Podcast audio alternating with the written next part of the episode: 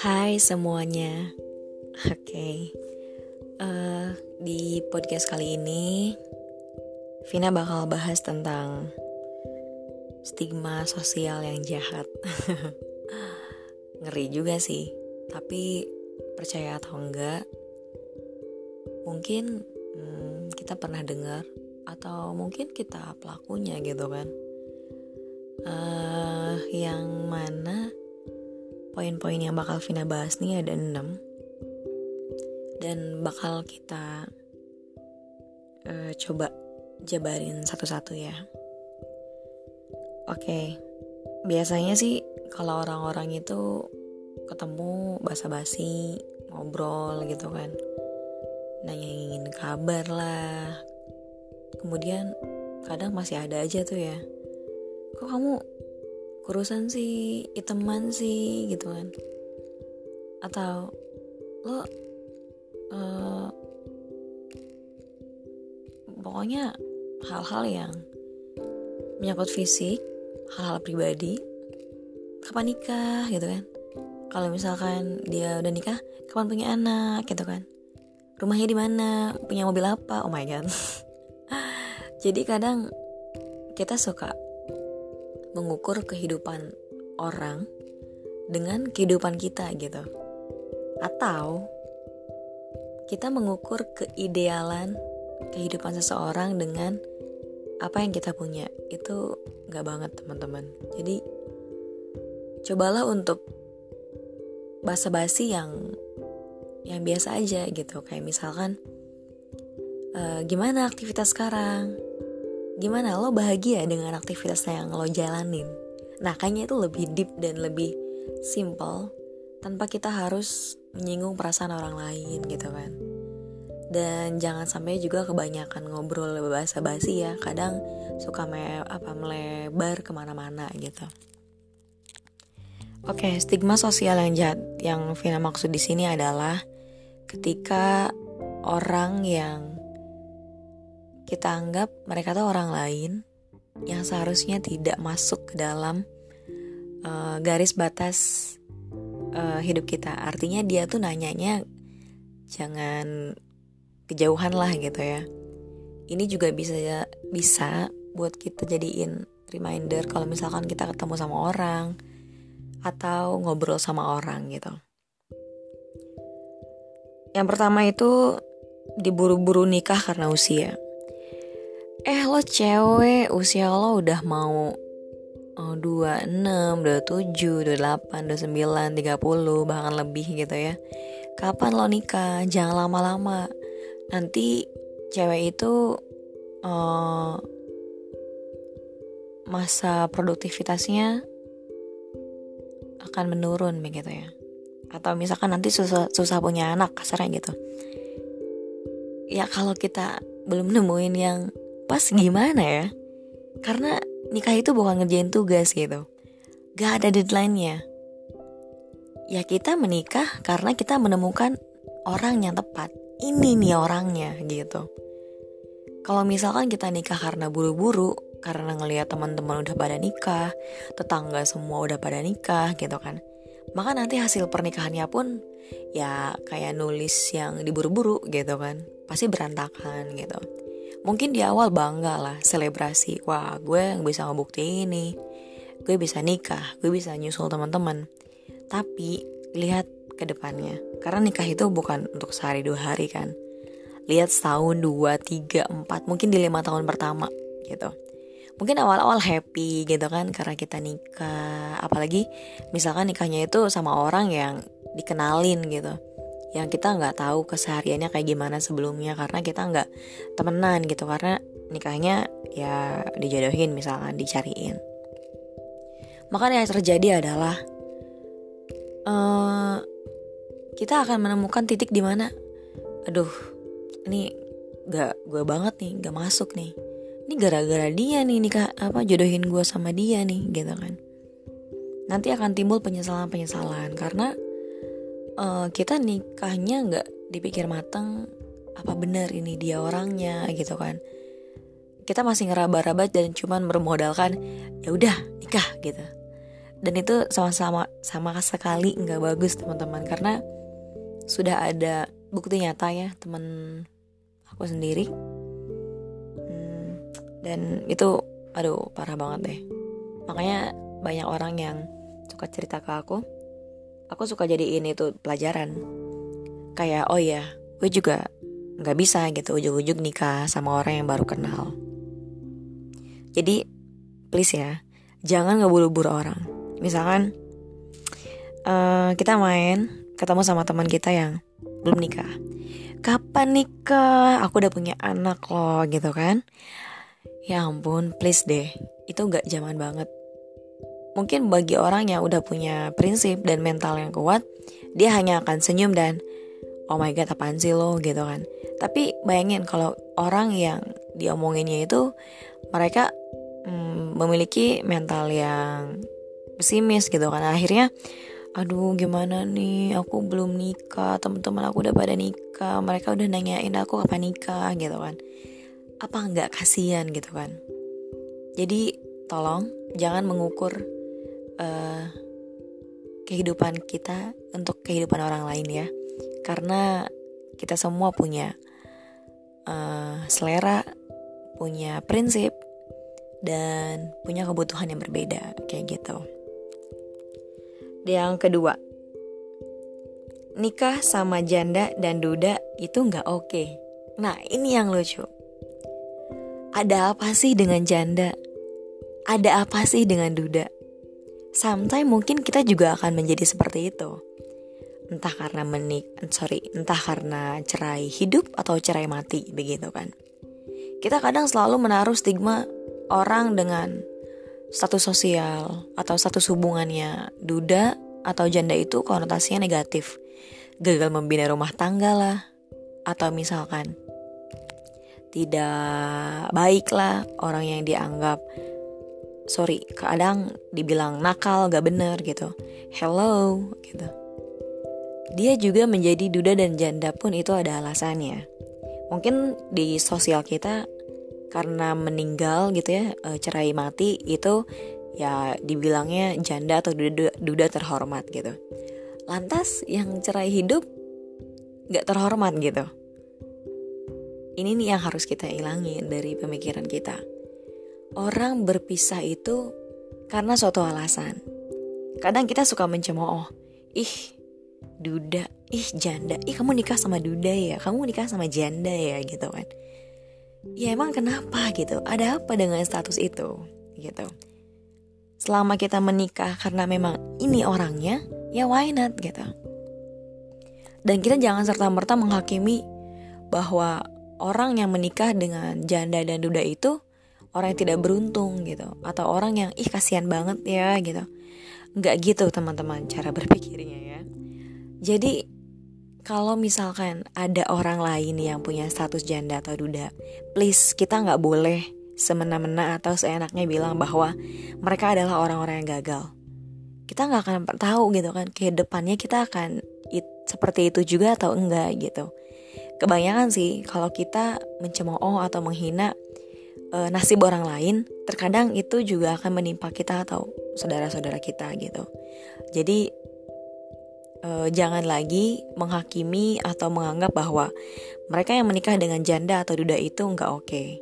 Sorry, banyak banget kok contohnya seperti artis-artis kita yang mereka sukses gitu ya menikah dengan janda dan duda contoh. Usi Sulistiawati dengan Andika, Anang Hermansyah, uh, Tommy Kurniawan, Hangki Kurniawan gitu kan. Karena kenapa? Karena menikah itu bukan berarti kita oh ini gue dapat jodoh gitu gue akan hidup bersama dengan dia no teman-teman harus sadari ini menikah adalah sebuah fasilitas atau media yang memberikan uh, kesempatan kepada kita untuk membuktikan apakah benar dia jodoh saya. Nah, jadi yang menikah pun bukan berarti dia itu wah ini nih jodoh gue. No, itu hanya akan uh, sebagai media membuktikan bahwa bener gak nih ini jodoh gue gitu kan. Karena yang tadi uh, Vina bilang di awal nikah itu ya ini nih orangnya gitu kan. Kayak kita milih baju udah klop nih ya udah gitu kan. Tapi pada akhirnya uh, ke depannya akan seperti apa ya? Perjalanan pernikahan itu sendiri yang akan berbicara gitu makanya menikah itu kan bukan hanya sehari dua hari gitu jadi bener-bener harus hati-hati banget Oke, stop ya. Kita menilai bahwa orang yang menikah dengan janda dan duda, dan duda itu kebelibet ya.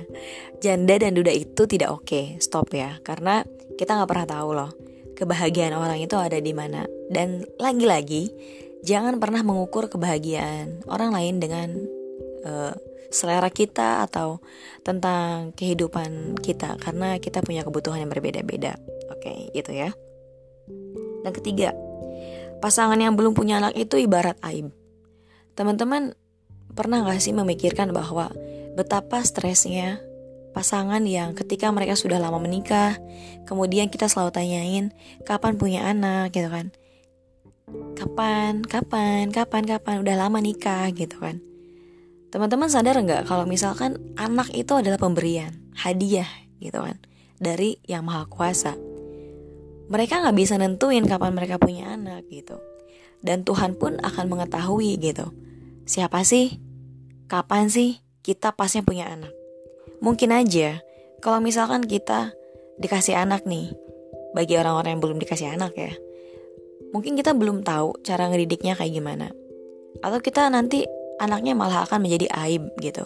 Karena anak juga itu tidak hanya akan menjadi anugerah, tapi dia juga bisa menjadi suatu musibah gitu bagi orang tuanya.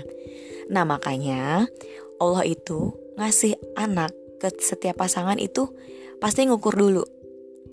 Apakah nantinya dia akan bisa mengurusnya? Apakah nanti anak ini hanya akan menjadi aib? Nah, Allah itu kan udah mengukur. Kalau misalkan dia hanya akan menjadi aib bagi keluarganya, ya udah mending Allah simpan dulu. Toh pada akhirnya kita suka ngeliat kan orang-orang yang belum punya anak mereka justru hartanya banyak gitu ya. Jadi kita itu nggak bisa loh mengukur kebahagiaan orang e, bagus atau enggak keluarga itu dari punya anak atau enggak itu enggak bisa gitu. Karena anak itu adalah hadiah.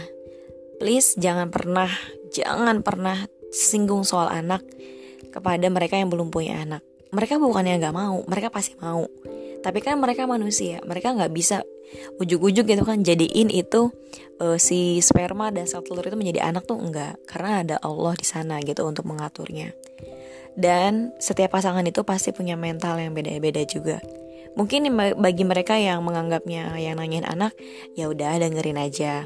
Tapi ada aja kan orangnya juga ya ampun gimana nih kita belum punya anak gitu dan jangan salah loh ada pasangan yang mereka berpisah karena mereka belum punya anak dan itu salah satu penyebabnya adalah banyaknya suara-suara yang mengganggu hubungan mereka. Akhirnya mereka terpisah. Bayangin teman-teman, hanya karena ocehan kita yang suka nanyain kapan punya anak. Rumah tangga orang berantakan. Please ya. Jadi eh, jangan pernah lagi berpikir bahwa pasangan yang baik itu adalah mereka yang punya keturunan. No tidak sama sekali. Jangan pernah mengukur rumah tangga itu bagus, baik, itu dari punya anak atau enggak. Enggak gitu ya cara berpikirnya. Bisa aja kita adopsi anak gitu kan. Dan anak itu pun bisa uh, kita uh, hadirkan misalkan kita memang tidak punya anak gitu bagi pasangan yang belum punya anak. Tapi mereka punya anak asuh 300 orang. Wow itu amazing. Dan mereka menanggung biaya misalkan pendidikannya sampai kuliah. Wah itu keren banget. Jadi kita jangan lagi ya uh, mengungkit-ungkit soal anak kepada mereka yang berumah tangga sudah lama dan belum dikarunia anak. Kita harus bisa menjaga perasaan mereka karena nggak semua orang punya mental yang kuat itu yang selanjutnya ini yang unik perceraian itu aib. Hello. Ketika ada orang yang bercerai, mereka judge, wah ini gagal nih membina rumah tangga gitu kan. Wah, ini gak bener nih gitu kan. Oke, kita jabarkan dulu. Perceraian di dalam Islam, perceraian itu nggak serta-merta langsung pisah, tapi ada tiga kali talakan. Kemudian di pengadilan pun ada yang namanya mediasi dan rujuk. Nah, secara kasar, Allah itu bilang gini,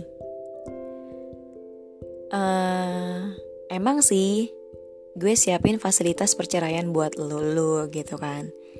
Tapi kalau misalnya rumah tangganya masih bisa dipertahanin, ya pertahanin lah gitu kan. Kan gue udah kasih tiga kali uh, apa namanya prosesnya gitu untuk bisa bercerai. Tapi kalau misalkan emang rumah tangga lu nggak bisa dipertahanin ya gue juga nggak bisa apa-apa. Karena gue juga ciptain fasilitas itu ya untuk digunakan gitu. Itu kasarnya. Kata Allah yang menciptakan sarana perceraian itu gitu. Dan uh, ini yang harus diingat sama kita adalah kadang kita memaksakan sepasang manusia untuk bertahan demi status sosial yang baik dan anak gitu. Tapi Anda tidak memikirkan bagaimana perasaan mereka yang memang sudah tidak bisa lagi dipersatukan. Kadang kita suka terjebak di sana.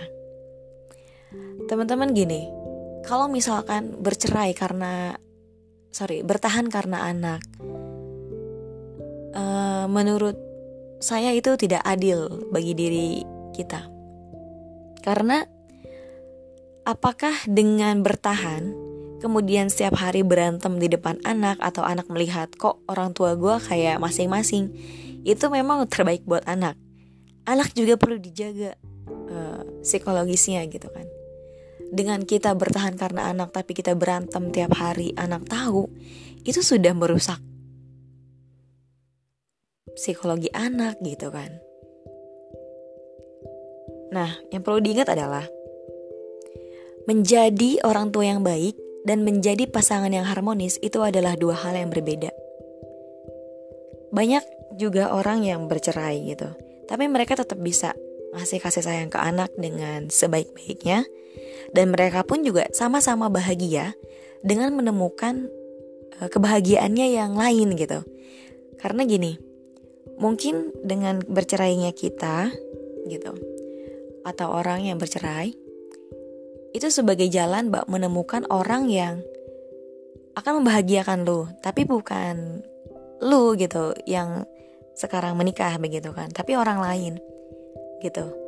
Dan dengan adanya uh, pupuk-pupuk kebahagiaan kita juga bisa kan untuk mengasuh anak memberikan kasih sayang kepada anak ya dengan baik juga gitu. Karena kita sudah bahagia dengan orang yang tepat gitu kan. Dengan orang yang atau misalkan menahan sendiri dulu gitu. Artinya membebaskan diri memerdekakan diri gitu ya. Gitu jadi uh, ketika kita memikirkan bahwa udah uh, meskipun rumah tangga lo udah nggak bisa dipertahanin, lu coba tahan aja dulu uh, demi status sosial lo yang harus selalu terlihat baik. Kemudian demi anak-anak itu nggak bagus banget teman-teman. Bayangkan ketika kita sudah tidak mencintai orang yang ada bersama kita setiap hari, kemudian kita paksa untuk setiap hari berada dekat dengan dia itu sama sekali tidak baik. Ingat ya, menjadi orang tua yang baik dan menjadi pasangan yang harmonis itu adalah dua hal yang berbeda. Dan jangan pernah mengekang diri kita dalam keadaan atau situasi yang buruk hanya untuk mempertahankan satu hal tapi kita tidak akan pernah bahagia. Bayangin, kita tidak bahagia, kita pura-pura bahagia, dan selamanya seperti itu, sedangkan kita sudah tidak mau lagi ada di samping orang yang memang sudah tidak lagi bisa kita cintai gitu. Itu itu namanya menyiksa diri. Itu sama saja memenjarakan diri. Aduh itu gak banget deh. Kita jangan pernah takut untuk memutuskan untuk memilih jalan lain untuk bahagia. Karena uh, cara Tuhan itu banyak untuk bisa membahagiakan kita gitu.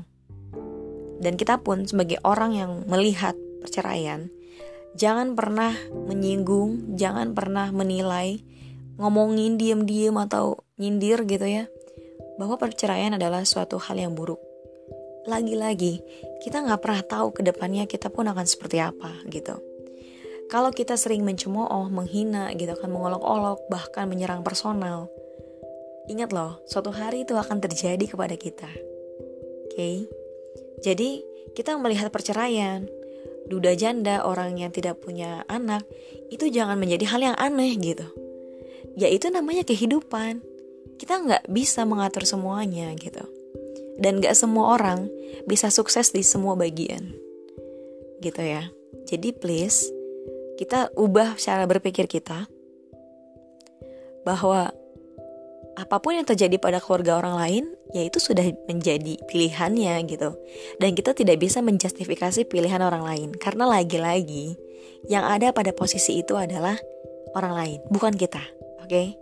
Jadi kita jangan sok-sok ikut campur, sok-sok bijak, nasehatin dan lain-lain. Nah, ini juga penting.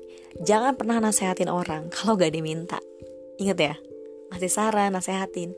Karena kalau kita ujung-ujung nasehatin orang dan orang itu sedang tidak ingin diberi nasihat, itu tidak akan mempan. Dan kita hanya akan merasa, ih dia tuh gak mau ngedengerin. Bukan dia gak mau dengerin.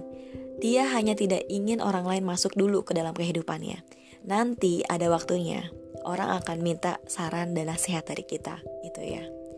Jadi ubah mindset kita, gitu. Jangan pernah berpikir bahwa perceraian, uh, status janda duda, orang yang belum punya anak, atau orang yang belum menikah, itu adalah hal yang tabu.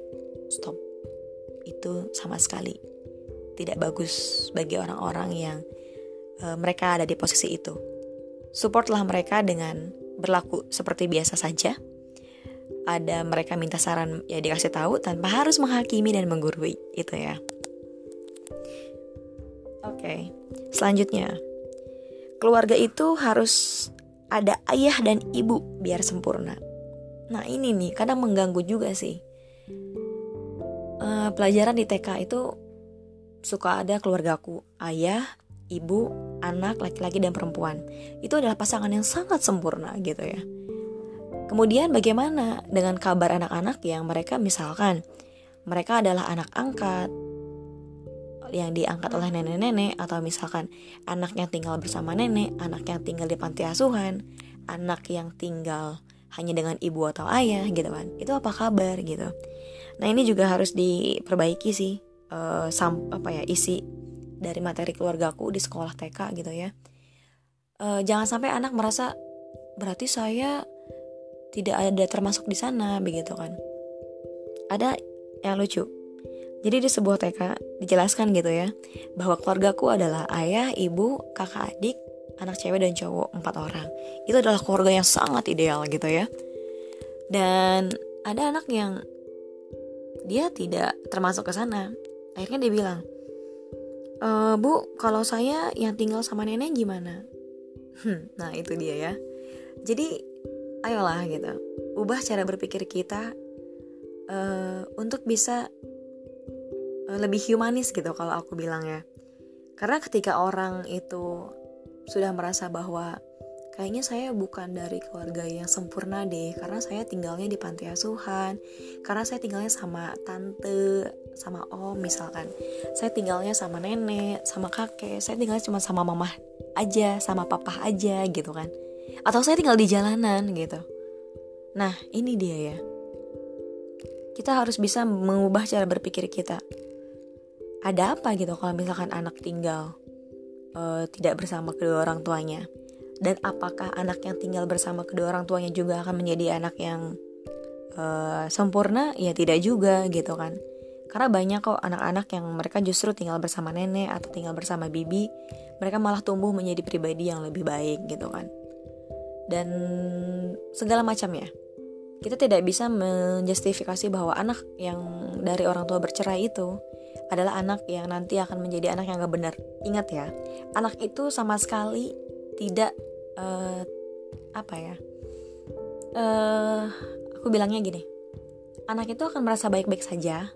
Misalkan anak hasil bercerai atau anak yang mereka orang tuanya bercerai, mereka akan baik-baik saja ketika lingkungannya pun mensupport dan bersikap biasa saja.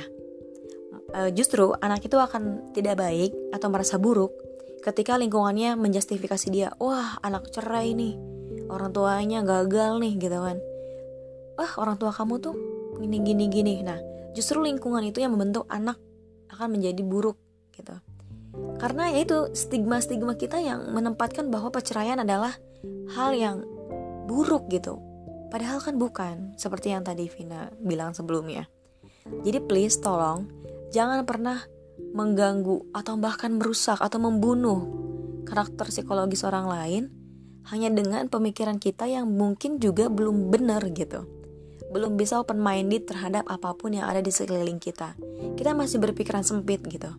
Kalau yang ideal tuh yang A B C D gitu kan. Yang bagus tuh yang kayak gini menurut kita dan kehidupan kita. Sedangkan kita belum tahu ke depannya kita pun akan seperti apa. Jadi stop ya merusak psikologis orang lain dengan mencela, mencemooh keadaan keluarga orang lain gitu. Jadi bentuk support kita itu bukan ngasih nasihat sebenarnya, tapi dengan kita menerima uh, apa pun keadaan mereka dan kemudian menjalani kehidupan yang seperti biasa saja, mereka juga akan berpikir, oh ya aku dari misalkan orang tua bercerai ya aku biasa aja, orang menerima aku, aku dari anak yang tidak punya orang tua, mereka juga menerima aku dengan baik gitu. Biasa aja gitu, jangan ada perlakuan-perlakuan yang wah gitu ya. Oh jangan deketin. Ih kamu orang tuanya kayak gitu ya? Ih kamu gak punya orang tua ya? Atau aduh stop deh kayak gitu. Teman-teman kita bentuk supportnya bagi mereka. Yaitu menerima mereka dengan baik dan berlaku biasa saja karena dengan kita berlaku biasa saja kita sudah menyelamatkan uh, masa depannya percaya atau enggak. Karena gini ada anak yang merasa ah gue mah gak pantas lah main di kampung gue gitu kan atau di komplek gue gitu kan. Karena mereka dari keluarga-keluarga yang sempurna harmonis gitu. Kayaknya gue mending nyari lingkungan lain gitu. Nah khawatirnya dia akan bermain dengan orang-orang yang bisa saja menjerumuskan dia. Kemudian dia menjadi uh, pengganggu lingkungan sosial marah lagi kita ya kan nah jadi kita juga harus berpikir loh kadang di lingkungan sosial kita pun ada sesuatu yang kurang beres, kita pun harus bisa mengintrospeksi. Mungkin perilaku kita, kata-kata kita, atau mungkin sok perhatian kita itu malah menjadi uh, peluru atau membunuh mereka gitu kan. Jadi ingat ya, pesan banget nih, coba buka pemikiran kita lebih luas lagi. Bersikaplah biasa saja terhadap siapa pun. Apa pun keadaannya. Ya biasa aja gitu. Normal-normal aja. Lu butuh nanya ya lu nanya. Lu dijawab ditanya lu jawab seperlunya. Gak perlu misalkan lu ditanya misalkan Hai mbak selamat pagi. Iya pagi. Cukup. Dengan penuh ketulusan aja tanpa harus ada embel-embel. Eh bla bla bla bla bla eh bla bla bla aduh itu udah deh. Itu akan merembet ke mana-mana. Jadi itu ya teman-teman. Jadi aku pengen kita semua punya pemikiran yang terbuka tentang apa pun itu. Yang terakhir nih masih ada sih di antara kita. Punya anak berkebutuhan khusus itu aib. Sadar atau enggak ketika kita mencemooh menjauhi anak-anak yang spesial itu malah justru akan membuat orang tuanya mengurung anaknya. Banyak kasus anak-anak yang spesial, mereka justru uh, dikurung di kamar karena bagi orang tuanya itu adalah aib. Karena sebelumnya udah pernah dicoba di uh, anaknya bers, apa bersosialisasi, tapi lingkungannya tidak menerima. Nah ini teman-teman, siapa sih yang uh, request gitu kan anak kita akan seperti apa? Anak kan pemberian seperti yang tadi dibilang. Jadi tolonglah untuk bersikap biasa saja terhadap apa pun. Justru anak spesial itu akan bisa menjadi anak uh, pada umumnya kalau mereka terbiasa bermain dengan orang-orang yang bisa menerima di lingkungannya mereka malah justru akan terpuruk ketika mereka merasa dikucilkan, tidak diterima, dan akhirnya dikurung di rumah gitu. Dan psikologis bagi keluarganya pun akan terganggu. Mungkin suatu waktu bisa saja gitu karena uh, orang-orang berpikiran bahwa lu itu punya anak kayak gitu adalah aib mereka membenci anaknya sendiri kan. Ngerinya dibuang atau dibunuh gitu. Nah ini yang terjadi di lingkungan kita kadang kita berpikirannya sempit itu tadi bahwa keluarga yang sempurna adalah uh, pasangan yang menikah di usia yang muda di bawah 30 tahun kemudian nikahnya itu sama perjaka dan perawan kemudian pasangan yang udah punya anak anaknya juga lucu gitu kan. Kemudian orang yang tidak bercerai atau pasangan yang tidak bercerai dan keluarga yang utuh. Nah itu stop kita berpikiran keluarga sebuah keluarga itu harus kayak gitu tuh stop ya karena gak semua keluarga gak semua orang gak semua pasangan itu bisa menjalani kehidupannya itu sesuai dengan apa yang diharapkan. Karena akan ada aja hal-hal yang mungkin menguji atau e, menjadi ujian bagi mereka untuk mereka tidak seperti yang diharapkan di awal gitu. Jadi tolong bantu orang-orang di lingkungan kita yang mungkin berbeda dengan kita. Itu dengan kita bersikap biasa saja tetap support mereka dengan ya kita berlaku biasa saja seolah-olah tidak terjadi apa-apa tidak menjustifikasi pilihan hidup orang lain nasib orang lain gitu kan. Karena kadang suka serba salah. Karena kita mengikuti uh, keidealan menurut orang lain bagaimana seharusnya kita hidup itu sama sekali tidak membuat kita menjadi orang yang bahagia kita kapan sih berhentinya kalau misalkan kita harus mengikuti uh, selera atau indikator yang orang lain bikin gitu. Karena kita semua punya kebutuhan yang berbeda-beda gitu kan. Jadi di podcast kali ini uh, ini adalah keresahan Vina gitu ya. Ketika Vina ngelihat orang ngomongin gitu ya sama yang tadi poin di awal. Ya emang kenapa sih kalau belum nikah gitu kan? Emang kenapa sih kalau nikah sama janda atau duda salahnya di mana gitu kan? Kemudian kalau emang keluarga atau pasangannya belum dikasih anak ya emang kenapa juga gitu ya kan kenapa coba terus kalau misalkan bercerai juga emang kenapa emang lu bisa e, mempertahankan atau memperbaiki hubungan yang memang sudah tidak bisa dipertahankan ya lu siapa gitu lu tahu apa gitu kan emang kenapa sih gitu kan dengan bercerai gitu toh jika memang perceraian itu bisa membuat kita lebih baik, jadi lebih bahagia, sama-sama bisa menemukan kebahagiaan di tempat atau di orang yang memang uh, pas ya kenapa gitu kan. Meskipun pada akhirnya kita juga nggak tahu gitu kan. Tapi setidaknya dengan kita misalkan berpisah itu bisa membuat kita jadi lebih bahagia pribadinya, mengurus anaknya juga lebih bahagia gitu kan. Ya emang kenapa gitu kan.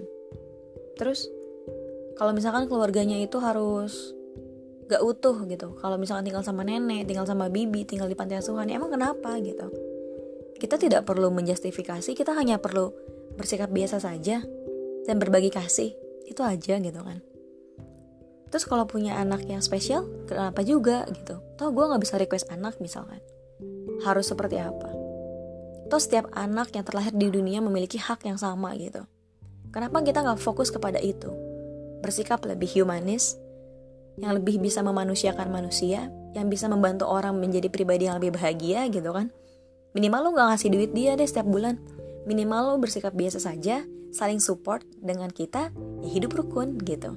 Tanpa harus menghakimi gitu kan. Simpelnya gitu sih.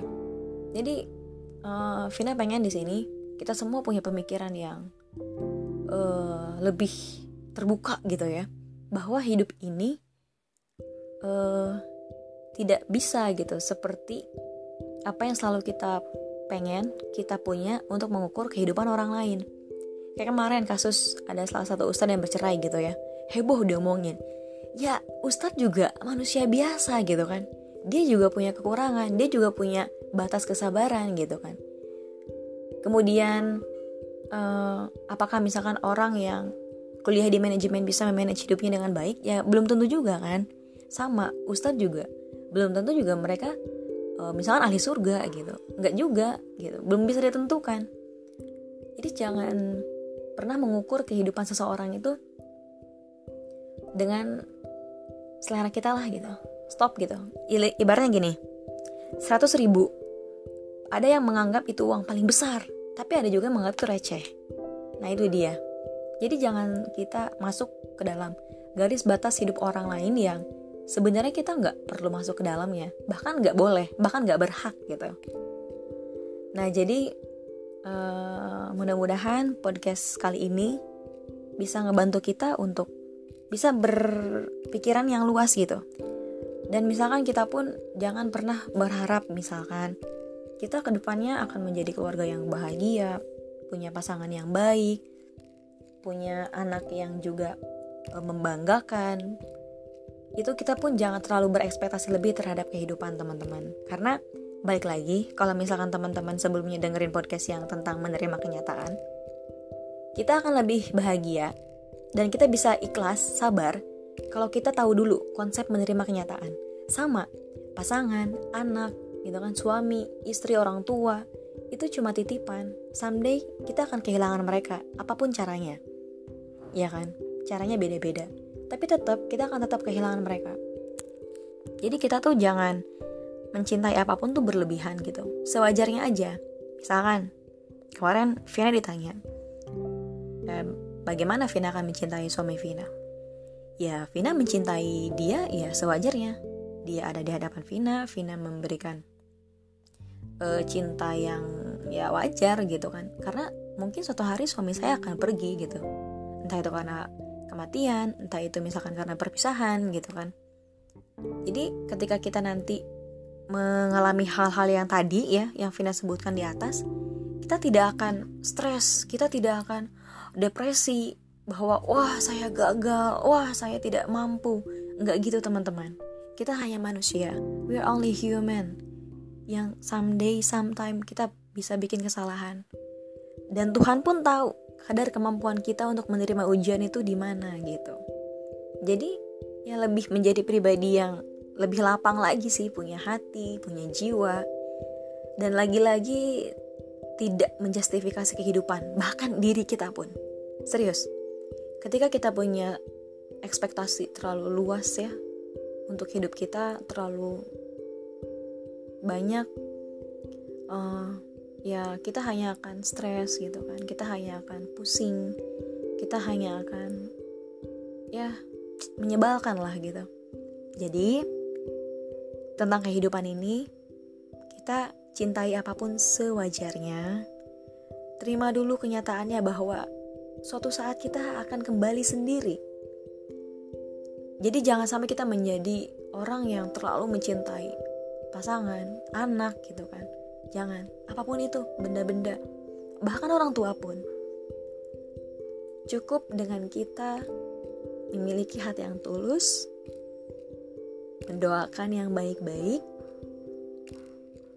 memberikan yang terbaik selama kita masih bersama, masih hidup, itu cukup gitu dan jangan sampai menjustifikasi kehidupan orang lain ya. Entah itu mereka mau nikahnya di usia yang keberapa karena nggak ada batasan untuk menikah ya, kapan yang terbaik. Bahkan misalkan mereka orang yang berstatus janda duda, mereka nikah sama janda duda, stop, jangan, jangan di diomongin, dibully, dicerca, wah itu gak boleh. Kemudian yang belum punya anak kita doakan, ya nggak perlu tuh kita ngomong ah bla bla bla bla. Cukup kalau kita ingat doakan kalau memang itu yang terbaik buat mereka. Kemudian mereka yang bercerai ya udah support aja.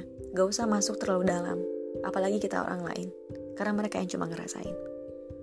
Keluarga yang punya yang nggak punya ayah dan ibu ya udah kita support aja mereka dengan kita berbagi kasih kepada mereka gitu kan. Dan kita menerima mereka dengan apa adanya. Punya anak yang spesial. Kita support aja mereka dengan kita ajak anaknya bermain gitu kan. Ya perlakukan mereka sewajarnya seperti mereka manusia pada umumnya gitu. Itu aja sih simple. Jadi semoga podcast ini menginspirasi ya. Karena kalau Vina pikir sayang kalau kita hidup hanya untuk menjustifikasi ngomongin orang gitu ya tanpa kita melihat bahwa segala sesuatu itu mungkin terjadi mungkin juga pada kita gitu